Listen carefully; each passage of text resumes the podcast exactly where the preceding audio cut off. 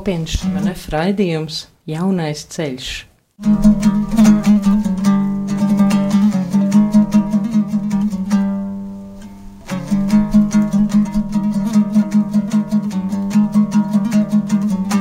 Labvakar, tātad eh, raidījums Jaunais ceļš mūs aizvedīs šokar neklātienes ceļojumā uz Taģikistānu. Šokar studijā esam mēs, kopienas pārstāvi Inese Mote. Nils Jansons. Un Evija. Un eh, tā tad mēs iesākām raidījumu ar tādu saudabīgu mūziku. Mazliet pakomentējiet, kāpēc uh, tieši šī mūzika un kas tā ir par mūziku? Nu, ja reiz mūsu raidījums ir par Taģikistānu, tad šī mūzika, mūsuprāt, ļoti labi raksturo šo valsti. Tā ir, varētu teikt, nu, tautas mūzika, taģika tautas mūzika, un kuru izpilda ļoti slavens taģiku mūziķis, uzvārds viņam ir Džurājevs. Un, uh, viņš spēlē uz tādu, diemžēl to nevar redzēt, bet ir tāds instruments ar divām stīgām, kas saucās dutar, kas uh, no taģiku valodā arī nozīmē divstīdzes. Un uh, mūsu, mūsu skatījumā šī, šī mūzika ļoti labi ataino šo taģiku mūzikas sirdi. Evija un Nil, uh, jūs jau divus gadus dzīvojat un strādājat Taģikistānā, zemē, kas ir uh, geogrāfiski diezgan attālu no mums, zemē, kas nav īpaši pazīstama iespējams, un uh, šis raidījums mums nav vairāk par geogrāfiju vai par ceļošanu, bet par to, kā cilvēki dzīvo šī zemē. Varbūt jūs varat mazliet padalīties, kā, kāda bija jūsu pirmie iespaidi, kad jūs ieradāties pirms diviem gadiem un kā tie ir mainījušies jūsu uzskatos par, par šo zemi, ko jūs esat atklājuši? Mm -hmm. uh, tā noteikti uh, ir tāda pilnīgi cita pasaule, uh, kurā nokļūstot, uh, var iegūt tādu jaunu un interesantu pieredzi. Un, uh, jā, tā, mm, tur aizbraucot, uh, noteikti ir tāds neliels kultūras šoks, kurš ir jāizdzīvo. Sajūta ir, ka tā ir eksotika, kas patiesībā joprojām turpinās, jo pierast nav nemaz tik vienkārši, jo šī kultūra ļoti atšķirīga. Ta, nedaudz arī kā atgriešanās padomju, padomju savienībā, jo ir dažas lietas, kas joprojām ir dzīves šeit, Taģikistānā, joprojām ir šī te sajūta, šī klātbūtne padomju savienības, brīžiem ir tāda mm, sajūta, kad, ka tā joprojām ir dzīve, ka viņa pastāv, jo cilvēki negrib aizmirst šo savienību, un kas ir pats tāds interesantākais, kas man šķita pārsteigums, ka viņi ar ļoti siltām un tādām pozitīvām atmiņām atceras šo savienību, un kas ir pilnīgs pretstats mums, kas šo savienību atceram, atceramies ar negatīvām atmiņām, un tad pamazām šķetinot, kāpēc arī sapratu to, jo Taģikistāna Padomju Savienībā, atšķirībā no mums, tikai ieguva, un viņi saņēma, viņa kultūra uzplauka, izglītība, to visu viņi saņēma par brīvu, un pašlaik situācija ir sliktāka nekā Padomju Savienībā. Un, no otras puses, piebilstot tam, ko teica Evija, no vienas puses šī, ir šis padomjas mantojums, kas ir Taģikistānā skaidri redzams visur, un no otras puses ir uh, islāma kultūra, uh, centrālā Azijas kultūra. Un tad, uh, ierodoties šajā valstī, tu sastopies tādu no, simbiozi, tādu miksu, ka no vienas puses ir šis padomiskais, kas ir kaut kas pazīstams, sākot ar veciem žigulīšiem uz ielām, uh, kaut kādām sadzīves uh, tradīcijām, ja, ko mēs pazīstam no padomu laikiem, un otrs puses ir tādas kārtīgas nu, musulmaņu tradīcijas, kas, ko mēs redzam arī Arābu valstīs. Un visbeidzot, Centrālā Azijā, Vidusāzijā raksturīgas kaut kādas kultūras iezīmes. Sakiet, kā jums, kā kristiešiem, ir dzīve Taģikistānā, jo kristietība ir minoritāte? Kā jūs izdzīvojat savu kristietību, savu ticību, savu iespējas praktizēt savu ticību? Mēs esam ļoti pateicīgi, ka Dušanbē, Taģikstānas galvaspilsētā, ir katoļu draudze, un ka mums ir šī iespēja arī šajā islāma valstī doties uz katoļu misi. Un tā, tā tad ir gan krievu valodā, gan angļu valodā mise, kurā mēs arī labprāt piedalāmies. Ir klātesošas kalkutas māsas, kuras šeit kalpo, dodas pie nabadzīgajiem, ļoti sirsnīgas un, un vienmēr mūs ļoti mīļi uzrunā un samīļo. Un, tā, mēs jūtamies arī kā, kā mājās, bet tajā pašā laikā ir šī te, arī tāda nu, tūkstneša sajūta, jo, protams, ka šeit nav tāds piedāvājums uh, kristiešiem kā, kā Rīgā, kā Latvijā. Un mūsu vienīgā iespēja ir uh, nu, aiziet uz šo svēto misi. Un kā, vai ir arī kāda, jūs esat katoļi, vai ir arī kādas citas um, konfesijas Taģikistānā, tur, kur jūs dzīvojat? Kristieši Taģikistānā tiešām, kā, kā tu teici, ir uh, ļoti maza minoritāte, vairāk nekā 95% ir, uh, ir musulmaņi, sunīti musulmaņi, un tad ir neliela šīta musulmaņi. Uh, izmailītu uh, minoritāti. Un tad ir kristieši, kas ir tiešām burtiski pat procentuāli nepateikšu pāris, pāris tūkstoši tikai, no kuriem ir daļa pareizticīgie. Un tad ir pavisam ne, nedaudz katoļi. Un, jā, ir arī dažādas protestantu brīvdraudzes, harizmāta draudzes, baptistu draudzes. Un uh, pagaidām uz nevienu draugu neesam bijuši, nu, kā ciemos, bet mums ir draugi, paziņas no, no protestantu vidus, no, no baptistu un no brīvdārāģu vidus. Un, zinām, ka viņi ir ļoti dedzīgi arī cenšas dzīvot savu ticību tur, kas nevienmēr ir viegli, ja godīgi, kas nevienmēr ir viegli. Bet atgriežoties pie tā pirmā jautājuma, kā mēs kā kristieši izdzīvojam mūsu ticību tur, es domāju, ka ļoti daudz kas šajā, kā jau minēja, tūkstnesī, šajos tūkstnešainos kalnos garīgā ziņā mums mm, palīdz arī no tā, ko mēs apkārt sev redzam, mums palīdz pārvērtēt mūsu ticību. Piemēram, man pašam ļoti būtiski ir sastopoties ar islāmu, sastopoties ar islāmu praksi, man apkārt, apkārtējos cilvēkos, tiešām pārvērtēt, kā, kāda ir mana ticība. Nu, piemēram, man ļoti uzrunā redzēt, cik ļoti regulāri viņi lūdzas Un es to neskatos vienkārši, lai papriecātos, bet man uzreiz radās jautājums, nu, kāda ir mana lūkšana. Es redzu, ka viņi, ka daļa, kas ir tiešām ļoti praktizējuši, kas lūdzās regulāri piecas reizes dienā, un pārējā daļa, kas ir tāda mazāk praktizējuši, kas cenšas vismaz ramadānā tik, tik cītīgi, ramadāna laikā tik cītīgi lūgties.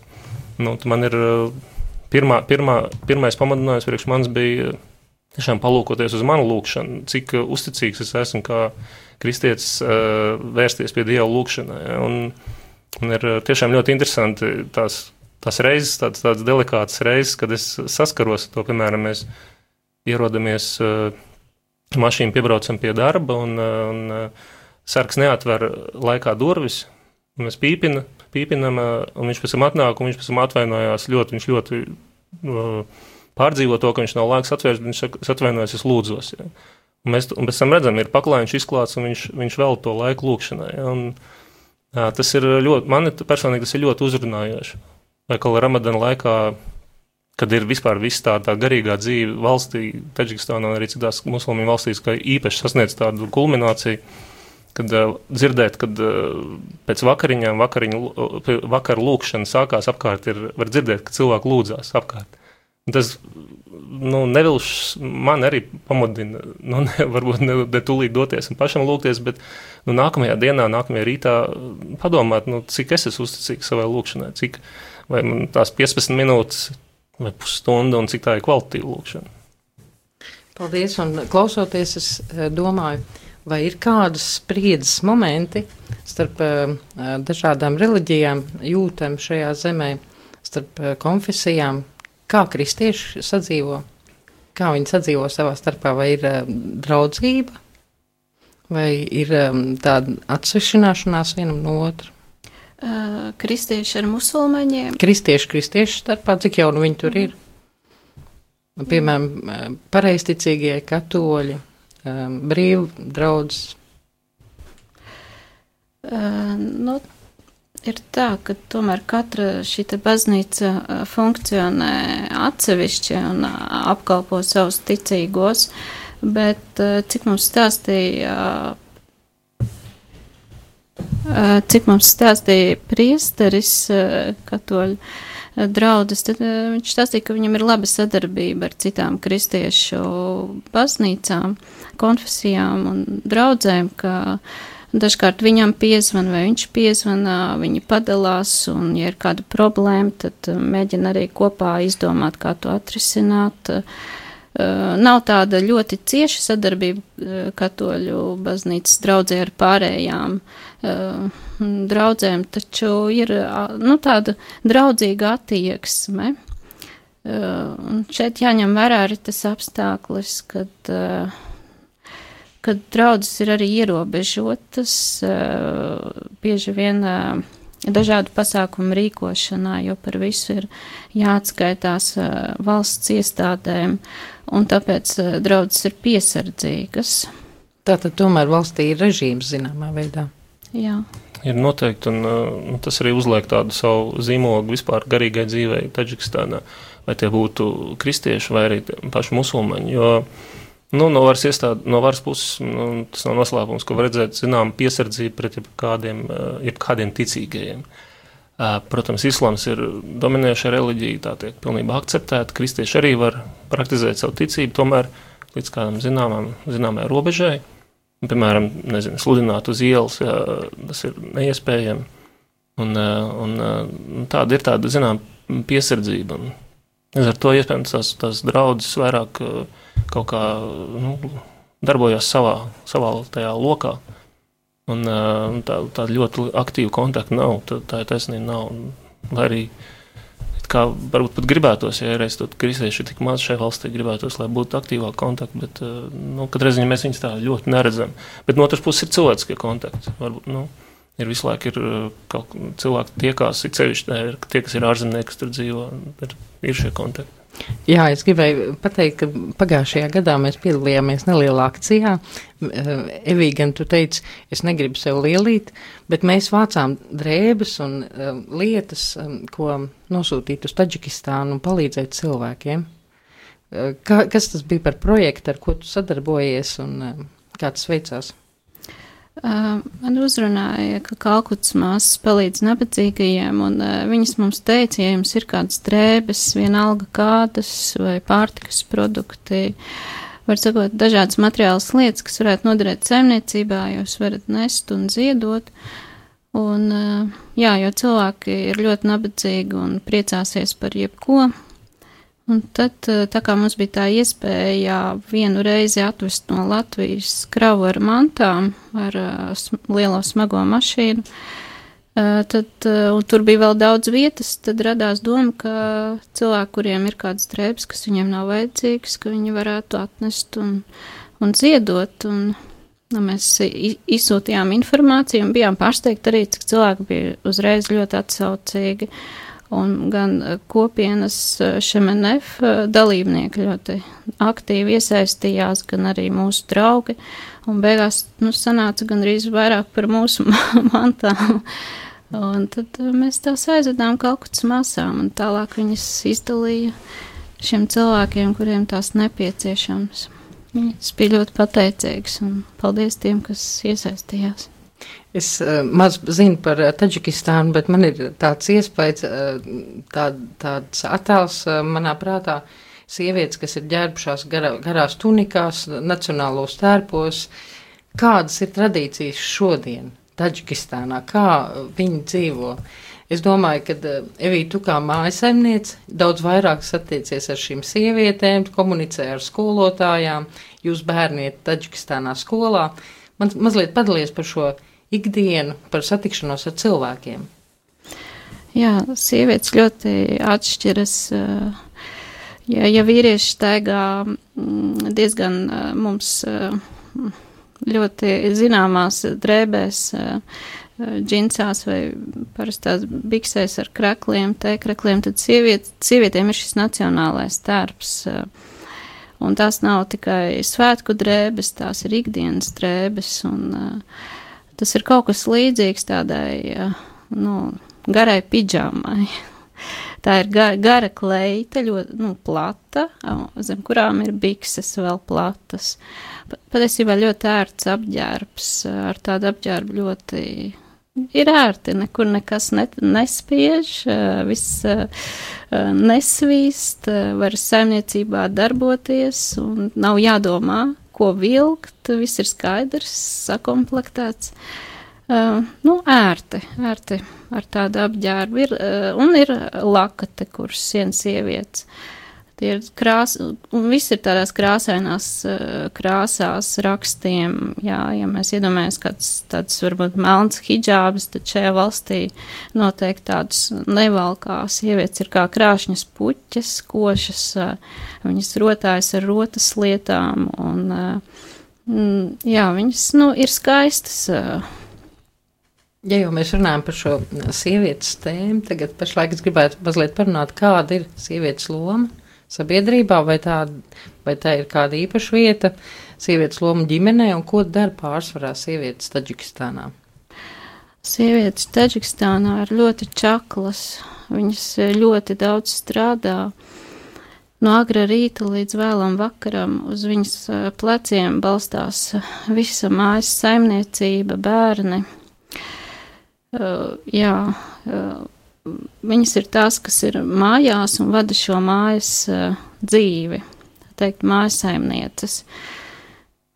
Viņas ļoti daudz ko dara savām rokām, viņas mīca maizi, praktiski maizi nepērk veikalā, maizi cēp.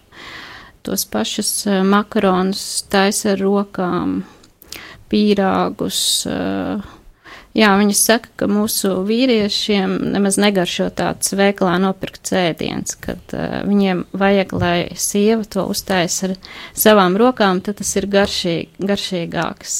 Mm, jā, zupa ar makaroniem no veikala nebūs tik garšīga kā ar sievas rokām uztaisīt makaronu. Bet tajā pašā laikā tas nozīmē, ka šī sieviete ir nu, visu, visu laiku pastāvīgi gandrīz pie plīts, Viņa mīta mīklu, pieskata bērnus, iet uz tirgu, tīra, uh, var sakot, nemitīgi strādā. Vai ir arī inteliģents, kur, kurās, kur mēs varam redzēt sievietes, sevišķi varbūt universitātēs, rakstnieces? Jā, es domāju, tā neliela inteliģences daļa ir, bet, uh, diemžēl, Taģikstānā ir tāda situācija, kad uh, Viņa ir ļoti nabadzīga un atrodas uh, pašā, pašā apakšā. Ja mēs redzam šīs padomju savienības valsts, tad uh, viņa ir bijušās savienības valsts, tad viņa ir pašā apakšā. Un cilvēkiem šeit galvenais ir uh, izdzīvošana, cīņa par uh, dienascho maizi. Pirmkārt, ir jādomā par to, ko ieliks vēderā, kā pabaros bērnus. Un, Un, diemžēl šī, šī izglītošanās tad paliek uh, citā plānā, un tam bieži neatliek naudas. Mēs varētu mazliet pievērsties arī dažādām Taģikistānas tradīcijām un arī kultūrai, uh, bet, lai to mēs uzsākt, varbūt uh, paklausīsimies kādu dziesmu. Jā, mēs uh, labprāt padalītos ar vienu jauku dziesmu, tā ir pamiriešu tautas dziesma. Pamir, pamirieši ir uh, viena tauta, kas dzīvo mm, kal, viskalnākajā Taģik, Taģikstānas reģionā. Uh, šī dziesma skan pami, pamieriešu valodā, bet uh, kas interesantākais ir, ka to dziesmu izpilda uh, latviešu grupa, tie ir latviešu mūziķi, kas to spēlē, grupa saucās Baraka. Uh, tā ir etnoģēs grupa, uh, ar kuru mums bija arī gods Taģikistānā iepazīties, organizēt viņu braukšanu uz Taģikistānu, kur viņi tika uzņemti ar milzīgu prieku, un viņi ļoti labi Taģikstānas draugi. Tad tā ir Latvie, la, latviešu grupa, latviešu mūziķi dzied tādā aranžējumā taģiku pamiriešu tautas dziesmu.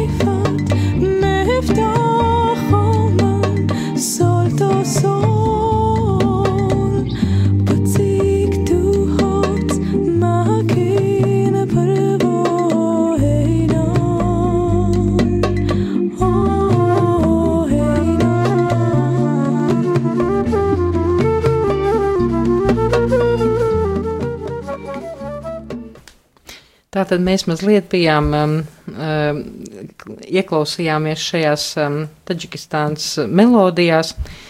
Uh, varbūt paturpināsim, kā jūs izdzīvojat tradīcijas, kas ir Taģikistānā, kā jūs izdzīvojat uh, to atšķirīgo, ko jūs varbūt redzat. Ir kaut kādas spriedzes momenti, varbūt ir lietas, kuras nevar pieņemt, manas komforta zonas ir zudušas un ir jāpieņem tā realitāte, kas ir apkārt.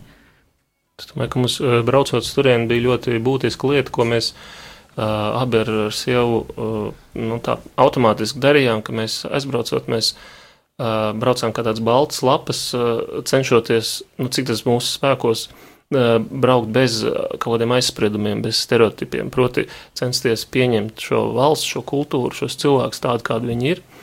Un uh, kaut kādā mērā tas mums izdevās, bet, protams, kā tu teici, ir arī kaut kādas spriedzes momenti, bet uh, varbūt par, mm, par to pozitīvo mm, Taģiki ir, viņiem ir ārkārtīgi bagāta kultūra, ļoti sena kultūra.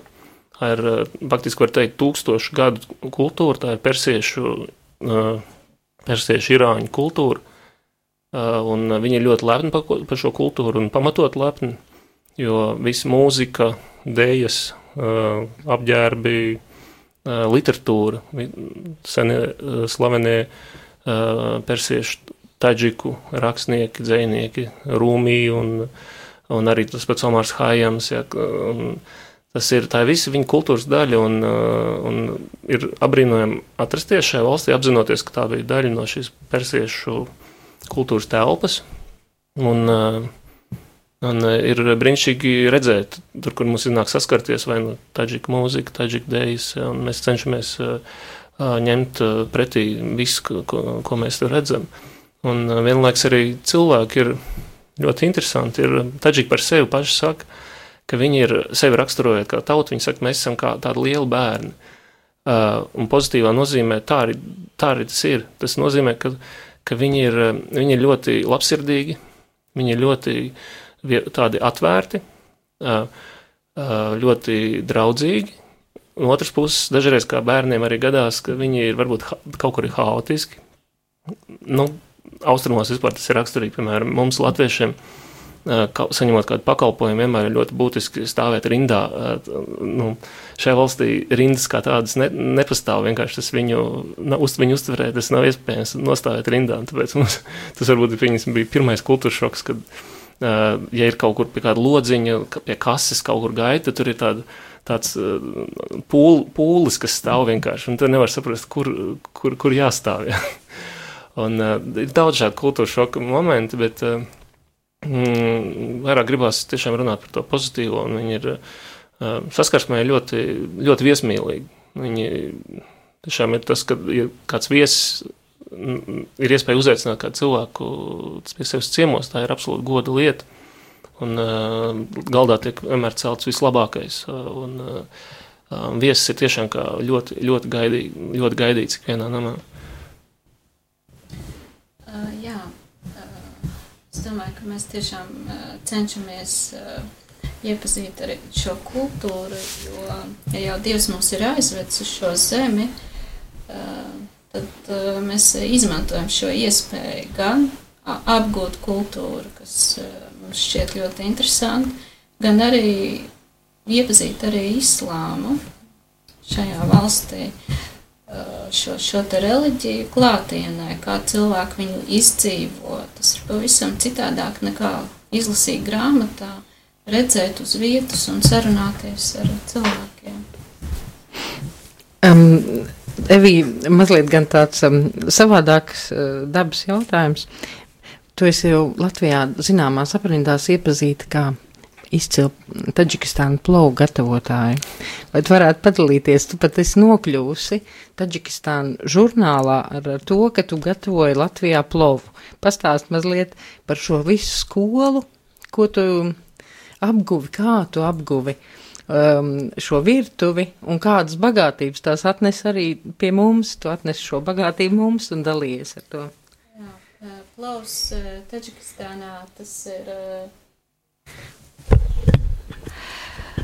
Plaus Taģikistānā tas ir pats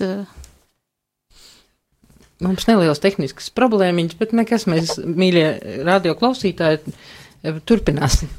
Jā, tas plaus ir ēdienu karalis, un tas vienmēr ir svētku galda centrā, un tas ir, nu, pats galvenais ēdiens, un, un man šķiet interesanti iemācīties, kā gatavo plovu. Un tas nemaz nav tik vienkārši pagatavot plovu, un esmu tur tagad divus gadus, un uh, varu teikt, ka pēc šiem diviem gadiem uh, es jau esmu beidzot uh, apguvusi kā šo plovu gatavo, bet joprojām var to pies, pieslīpēt. Arī paši taģiki uzskata, ka plovs uh, ir jāapgūst uh, ļoti ilgā laika posmā. Šie te plova meistari Taģikstānā, viņi bieži šo profesiju ir pārmantojuši no, no sava, sava, saviem vecākiem, no tēva, stāvot pie katla, palīdzot uh, gadu no gada, un tad uh, beidzot viņi arī paši var pagatavot Un jā, es tad arī. Mm, Plovs ir ļoti garšīgs ēdiens, un tur aizbraucot, tas noteikti ir jānogaršo. Un manam dēlam ļoti garšo plovs, un arī vīram. Man pašai arī, kaut gan tas nav ļoti trēkans ēdiens, arī katru dienu nevar. Un atbraucot uz Latviju, tad arī gribējās pagatavot draugiem un uh, arī kādos kopienas šemenef pasākumos, lai parādītu kā, nu, kaut ko no šīs Taģikistānas ar, ar garšu. Un tad bija tā, ka es ieliku Facebookā dažas bildes, kuras atkal redzēja man paziņas uh, žurnāliste no Taģikistānas, un tad viņa izdomāja uzrakstīt par to, kā es Latvijā gatavoju plonu. Tā es nokļuvu, nokļuvu šajā te Āzija plus laikrakstā ar to kā gatavoja plovu. Katrā gadījumā mēs, latvieši, kas garšojām šo plovu, esam ļoti pateicīgi Taģikistānas šai tradīcijai un ļoti priecīgi, ka tu iemācījies to gatavot. Mēs bijām ļoti priecīgi, jo tu pabaroji vienā reizē ap 120 cilvēkiem. Ja? Un es zinu, ka daudz prasīja, kas tas bija pēc tam. Varbūt uh, mums vēl ir 5 minūtes uh, raidlaiks. Uh, kaut kas sevišķi, ko jūs varētu pateikt par Taģikistānu, ko varbūt mē, es neuzdevu kādu jautājumu, vai būtu, kas jums ir uz sirds, ko jūs labprāt padalītos tā, kad jūs domājat par šo zemi? Man liekas, ir, ir domājot par Taģikistānu, ir nevar viņu atdalīt no, no islāma pasaules, un man liekas, mūsdienu pasaulē šodien ir īpaši būtiski par to runāt, kā cik islāms var būt dažāds, un tas, ko mēs redzam televīzijas ekrānos, šī informācija par notiekošo Irākā un Sīrijā karā, par to, ko dara Daesh teroristi, ja, ka tas neataino islāmu jā, pilnībā. Tas, jā, tas ataino tikai vienu diezgan izkropļotu islāma interpretāciju, jā, tiešām ļoti izkropļotu.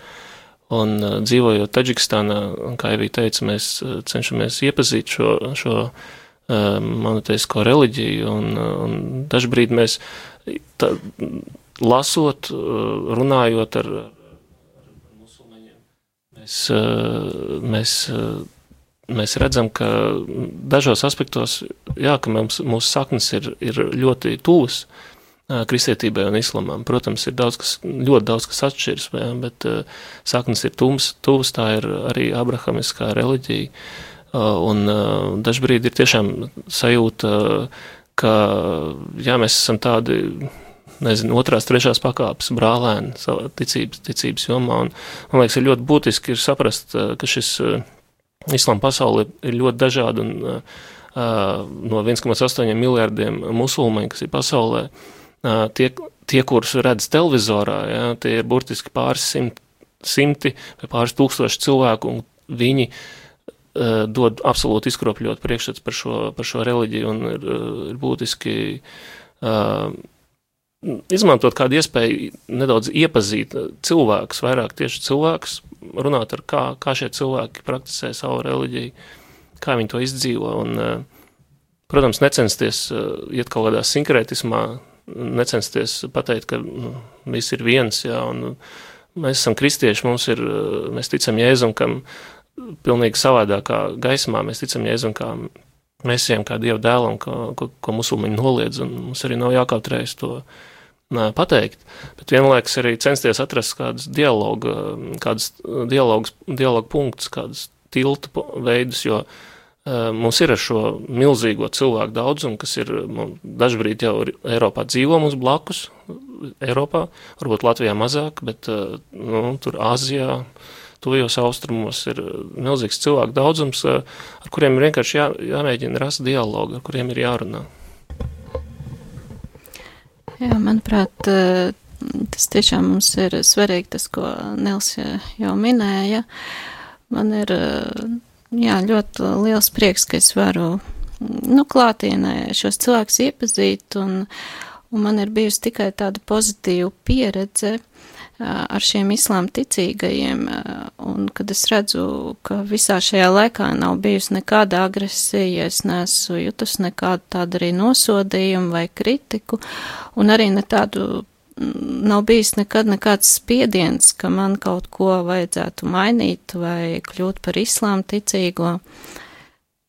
Uh, jā, tādā ziņā, nu, un uh, gribēju vēl piebilst, ka, kad ir ļoti viegli pat atrast šo dialogu ar cilvēkiem, islām ticīgām sievietēm, kad es runāju, mums ir par ko runāt, jo mūsu tēma ir bieži vien Dievs. Uh, Viņām ir ticība, man ir ticība, mūs vieno, nu, Dievs, par ko mēs varam runāt, atšķirībā varbūt no ekspatiem ārzemniekiem, kuriem tā ir kā tāda tabū tēma, kuri ir uh, iegrimuši laicīgajā dzīvē, kuriem Dievs ikdienā neeksistē. Liels paldies par Lielas paldies, um, Nil un Evī, ka jūs šokar ar mani bijāt šeit studijā. Tātad es atgādināšu, mēs bijām uh, kopienas šemenef pārstāvi Ines Montevī un Nils Jansoni. Uh, Un eh, šajā vakarā mēs tikai pāris minūtēs mēģinājām pieskarties kādas, kultūra, kādas tautas kultūrai, tradīcijai, reliģijai. Paldies un uz tikšanos jau pēc mēneša eh, kopienas šemanef raidījumā Jaunais ceļš.